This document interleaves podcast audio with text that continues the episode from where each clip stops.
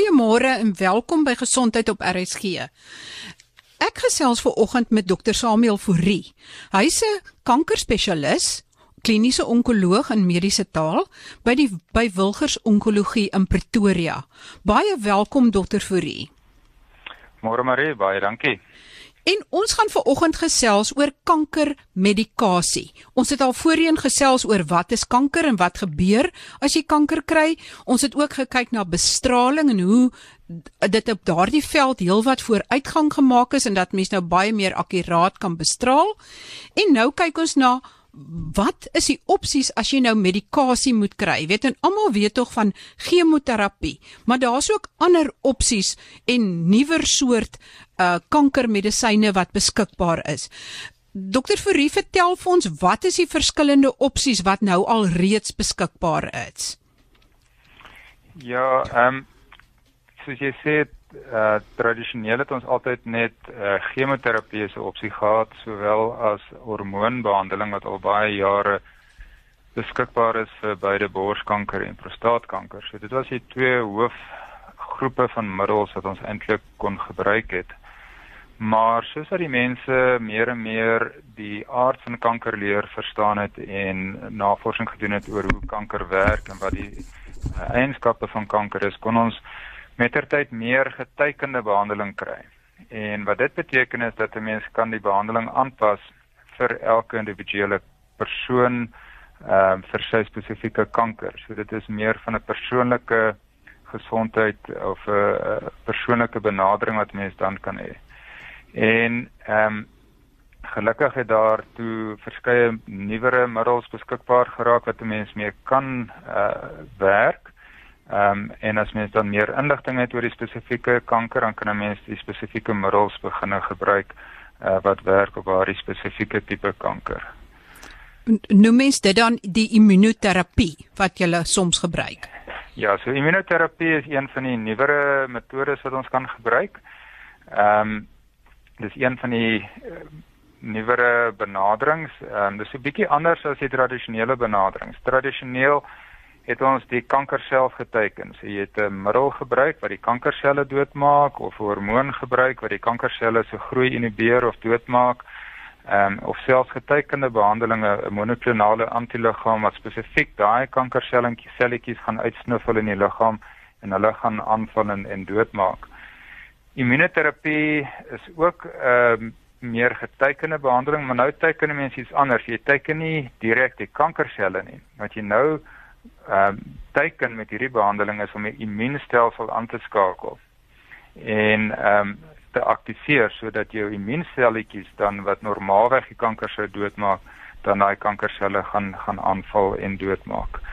So dit is 'n uh, 'n bietjie van 'n paradigma skuif, maar dit ehm um, werk eintlik baie lekker in die sin van dat 'n mens nou heel uh, uit 'n ander hoek uit hierdie hele siekte kan benader en nie net 'n direkte aanslag op die kankerselle self nie.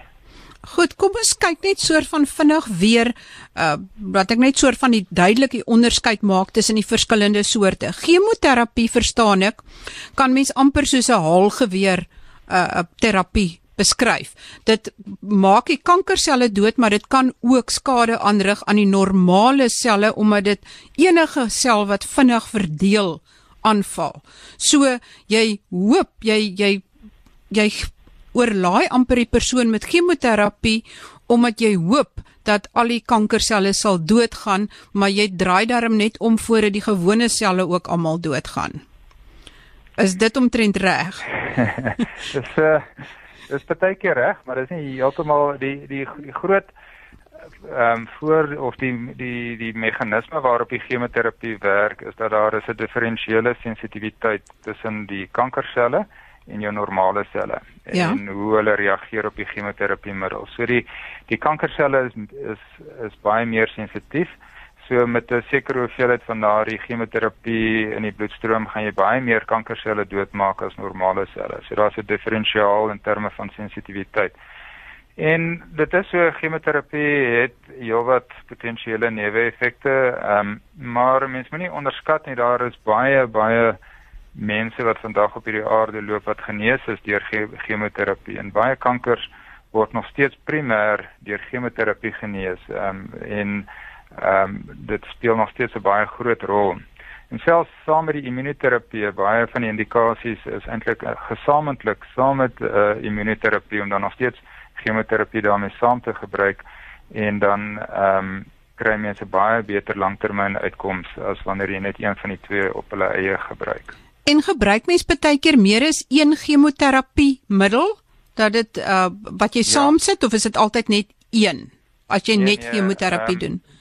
Die meerderheid van gevalle gebruik ons 'n kombinasie van meer as een en dis maar vir verskeie redes, maar dit dit dit werk oor die algemeen beter as jy 'n kombinasie gebruik. Somstyds is dit sinvol om net een te gebruik. Dit hang maar af, af van die van die tipe siekte waarmee mens werk en wat die situasie is van die van die pasiënt. So daar was ook vooruitgang in die tipe chemoterapiemiddels wat jy gebruik oor die jare. Ja, nee, definitief. Ehm um, so in die begin het ons nie mooi verstaan toe chemoterapie begin gebruik is presies hoe dit werk nie, maar soos jy uh kennis uitgebrei het en mens meer verstaan het hoe kanker werk en hoe die chemoterapie kan werk en waar presies in die hele cellulêre masjinerie hulle teiken en wat hulle doen binne in die selle het ons ook baie meer um, doelgerigte behandelings kon kry. En dit het eintlik aanleiding gegee tot die sogenaamde uh, geteikende behandeling of targeted therapies wat dan later ehm um, die die meer moderne tipe van behandeling ehm um, behels. So dit is 'n uh, dis eintlik 'n uh, uh, verfyning van die van die tradisionele chemoterapie model net voordat ons afstap van chemoterapie af, hoekom is kankerselle meer sensitief vir chemoterapie as normale gesonde selle? So daar's 'n uh, verskeie uh, redes. Dit het maar te doen met hoe die ehm um, selle werk. Mens moet verstaan dat kankerselletjies is normale menslike selle, maar dan kry hulle 'n klomp mutasies. Duisende veranderingkies wat in die masjinerie plaasvind. En daardie selletjies verloor dan die vermoë om te luister na die omliggende selle wat vir hulle sal sê om om om dood te gaan of eintlik in 'n sekere sin uh, selfmoord te pleeg ons noem dit apoptose. En ehm um, ook uh onbeheerste aanhou groei en dis daardie meganisme van die groei in die selsiklus wat dan geteken word en die normale selle is nie almal in daardie uh, selsiklus proses nie en daarom kan 'n mens baie keer in daardie ehm uh, uh selsiklus proses kan 'n mens aanteken presies waar daai veranderinge plaasvind en dis hoekom chemoterapie dan ehm um, meer uh effektief is om daardie kankerselletjies dood te maak as as normale selletjies. Goed, dan getekende terapie. Wat hoe werk dit? Ja, so die ehm um, getekende terapie, dis nou ek het nou genoem die die verskillende mutasies wat kan plaasvind in 'n kankersel soos wat hy nou ontwikkel oor tyd.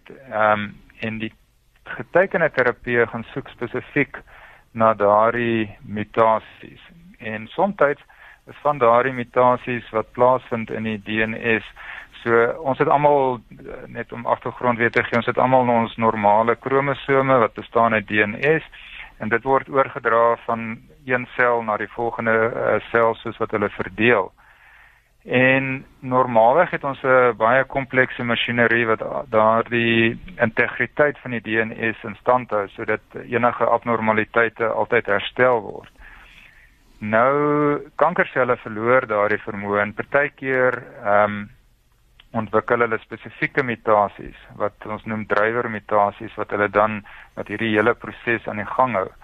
En soms kan 'n mens daardie mutasies identifiseer en dan 'n middel ontwikkel wat spesifiek gaan bind en dan het jy eintlik soos 'n sleutel in 'n slot wat hy middel presies pas. Hy werk net op daardie selletjies met daardie spesifieke verandering of mutasie het in hulle DNS.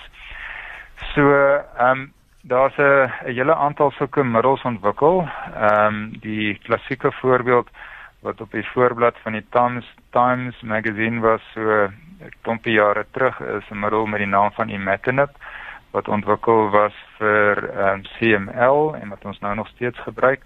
So dis 'n middel wat spesifiek net aan daardie spesifieke mutasie wat in die CML uh, eh, kankerselletjies is gaan bind en hy elimineer dit en dit werk pragtig en jy het eintlik geen neeweffekte nie want hy bind aan niks ander selle in die in die liggaam nie.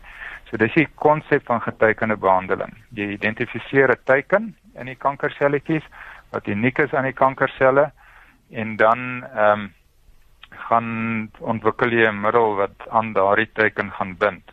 En die teorie is dat as hy aan daardie spesifieke ehm um, middel bind, daar aan daai as hy spesifieke middel aan daai spesifieke mutasie bind, dan bind hy nie aan ander selle nie en kry mens dan nie 'n kans vir uh, abnormaliteite of uh, neeweffekte van die van die medikasie nie. So daar's 'n hele paar sulke getekende behandelings wat ons nou al reeds beskikbaar het. Ehm um, is tel Herceptin daai middel wat hulle gebruik teen ja. spesifieke soort borskanker, tel dit as 'n getekende behandeling? Ja, so Herceptin of trastuzumab is 'n spesifieke monoklonale tipe van middel wat ontwikkel is en wat ons dan doen is die die borskankerselletjies word ontleed deur die patoloog. Dan kyk hulle vir ons of daar 'n uh, 'n spesifieke verandering in daai kankerselletjies is. So 20% van alle borskankers het daardie HER2 ooruitdrukking. En dan ehm um, gaan die middel ehm um, wat dan 'n komplekse monoklonale struktuur het en hy gaan soek in die liggaam al die selletjies wat daardie HER2 uitdrukking bo op die sel se se oppervlak het. En dan gaan uh bind hy net aan daardie selletjies. En weer eens hersetten of trastuzumab werk baie goed saam met chemoterapie, maar nie altyd op sy eie so goed nie. So dis weer eens een van daardie middels wat 'n sinergistiese effek het saam met uh chemoterapie vir hierdie borskanker pasiënte. En dit het gehelp dat die suksessyfer of die uitkoms van die behandeling van hierdie spesifieke soort borskanker wat dan ook dikwels in jonger vroue voorkom eintlik baie verbeter het. Ja, beslis. Ehm um, tradisioneel was daardie subgroep uh, borskankers baie meer aggressief en het hulle ook baie slegter gedoen.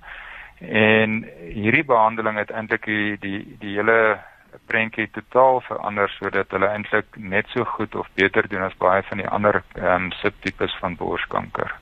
Dan dan kom ons by immunoterapie. En soos jy gesê het, nou aktiveer mens die immuunstelsel sodat hy eintlik self inskop om hierdie kankerselle te herken en te vernietig. Vertel ons bietjie meer hoe dit werk of daarvan. Ja, so ehm um, die beginsel is dat as daar 'n kankersel is wat oorleef in 'n liggaam, dan het hy die immuunstelsel ontduik. Anders sou hy nie oorleef het nie. So ehm um, maar die kankerselle is baie slim. So wat hulle doen is hulle skakel die immuunstelsel af of hulle kamufleer hulle self sodat die immuunstelsel hulle nie kan identifiseer en dan elimineer nie. So ehm um, die kankerselletjies het 'n omgewing wat ons noem die mikroomgewing van die van die tumorselle en daardie omgewing beïnvloed hy en beheer hy sodat wanneer die uh, limfosiete wat die uh, selle is wat die kankerselletjies moet vernietig wanneer hulle in daardie omgewing kom dan herken hulle nie die kankerselle nie. En dan los hulle die kankerselle alleen en dan gaan hulle maar net weer aan op hulle pad. Nou die groot deurbraak uh, was om te identifiseer hoe die kankerselle die immuunstelsel afskakel.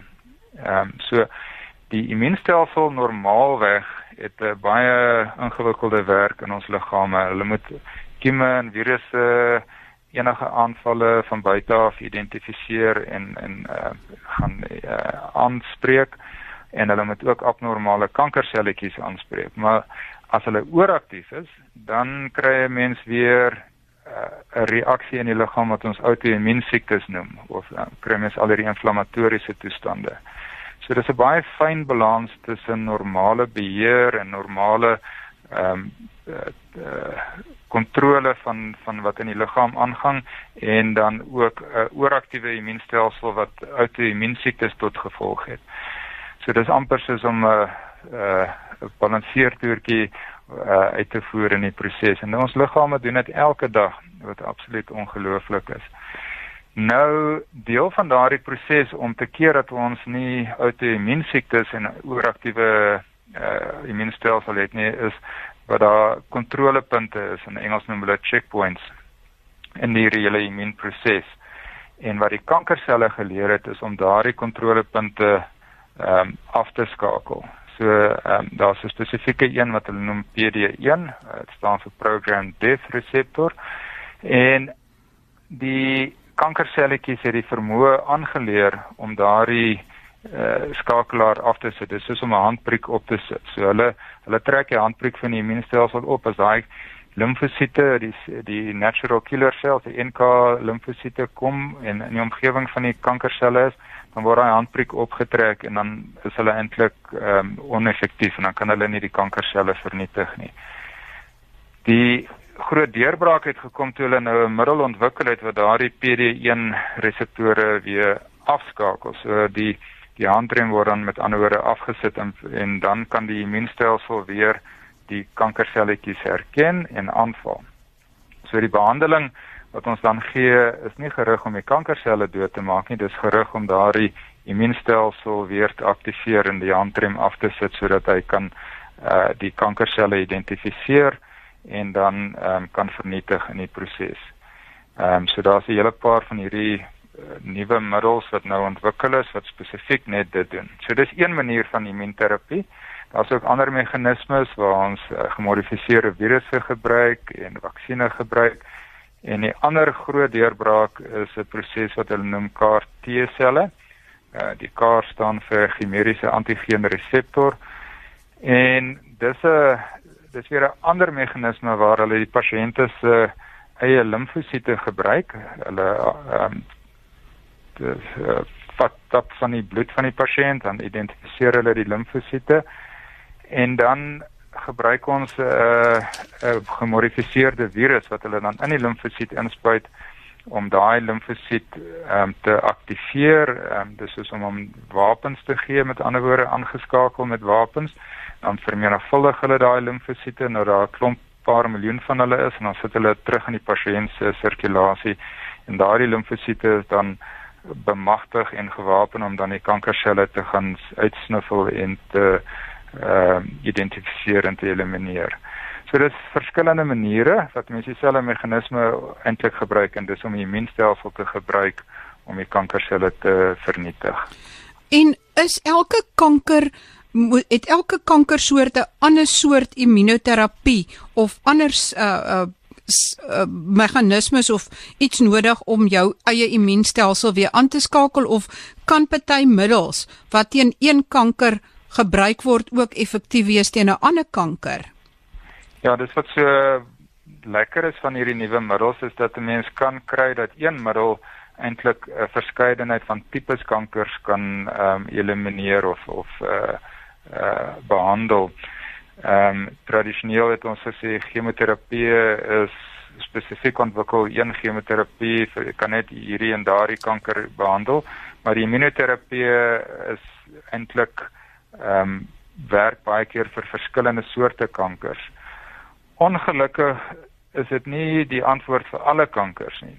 So ehm um, daar's baie navorsing in die proses hoekom dit nie werk vir alle kankers nie, maar ons weet vir ehm um, sekere verskeidenheid van kankers kan mense 'n massiewe verskil maak met of sonder ander behandelings soos chemoterapie en bestraling. Ehm um, maar dit is ongelukkig ehm um, nog nie 'n antwoord vir alle kankers nie. Vir watter kankers is immunoterapie 'n 'n groot voordeel? So die tradisionele kankers waar dit aanvanklik uh, die grootste impak gemaak het was uh, maligne melanoom waar die oorspronklike groot navorsing op gedoen was.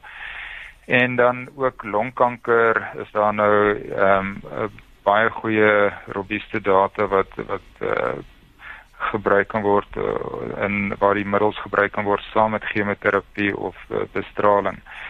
Ehm um, dit lyk ook of dit baie effektief kan wees in sekere kop en nekkankers, ehm um, sekere van die slukdarmkankers, ehm um, limfome, ehm um, 'n klein groepie van die borskankers, die triple negatiewe groep, kan dit uh, lyk dit of dit wel 'n verskil kan maak hoewel dit nog baie vroeg daar is met nog baie navorsing wat daar gedoen moet word.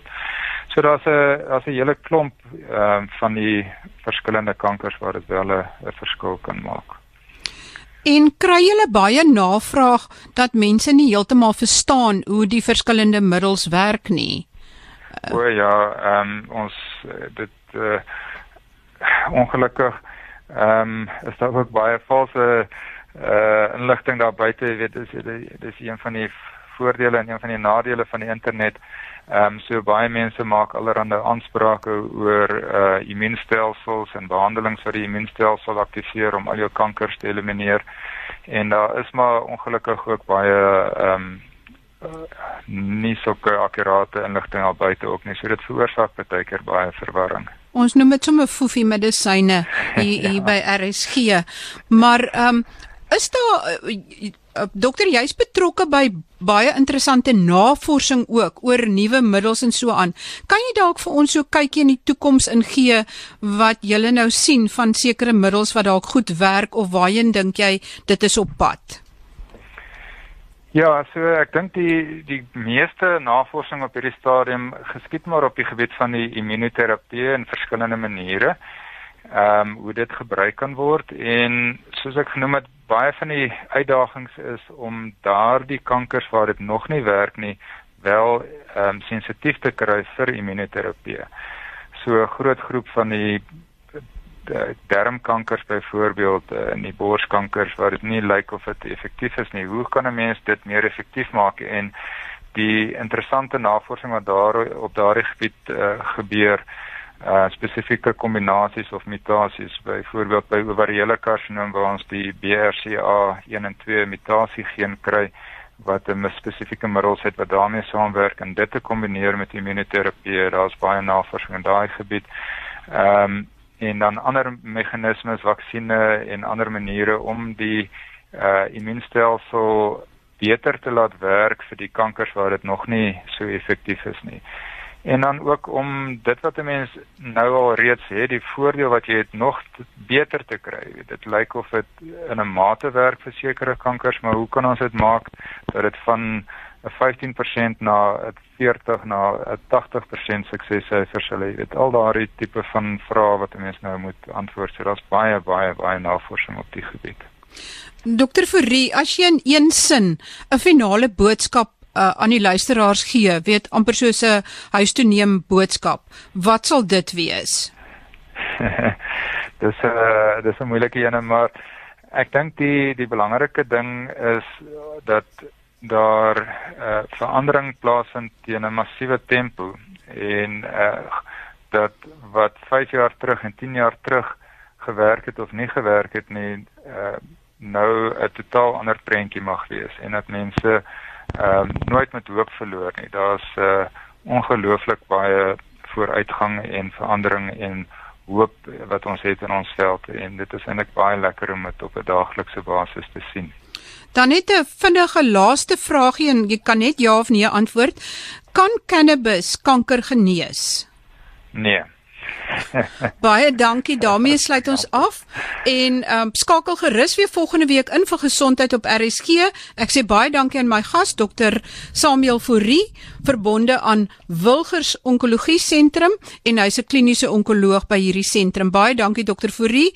Groete aan almal tot volgende week.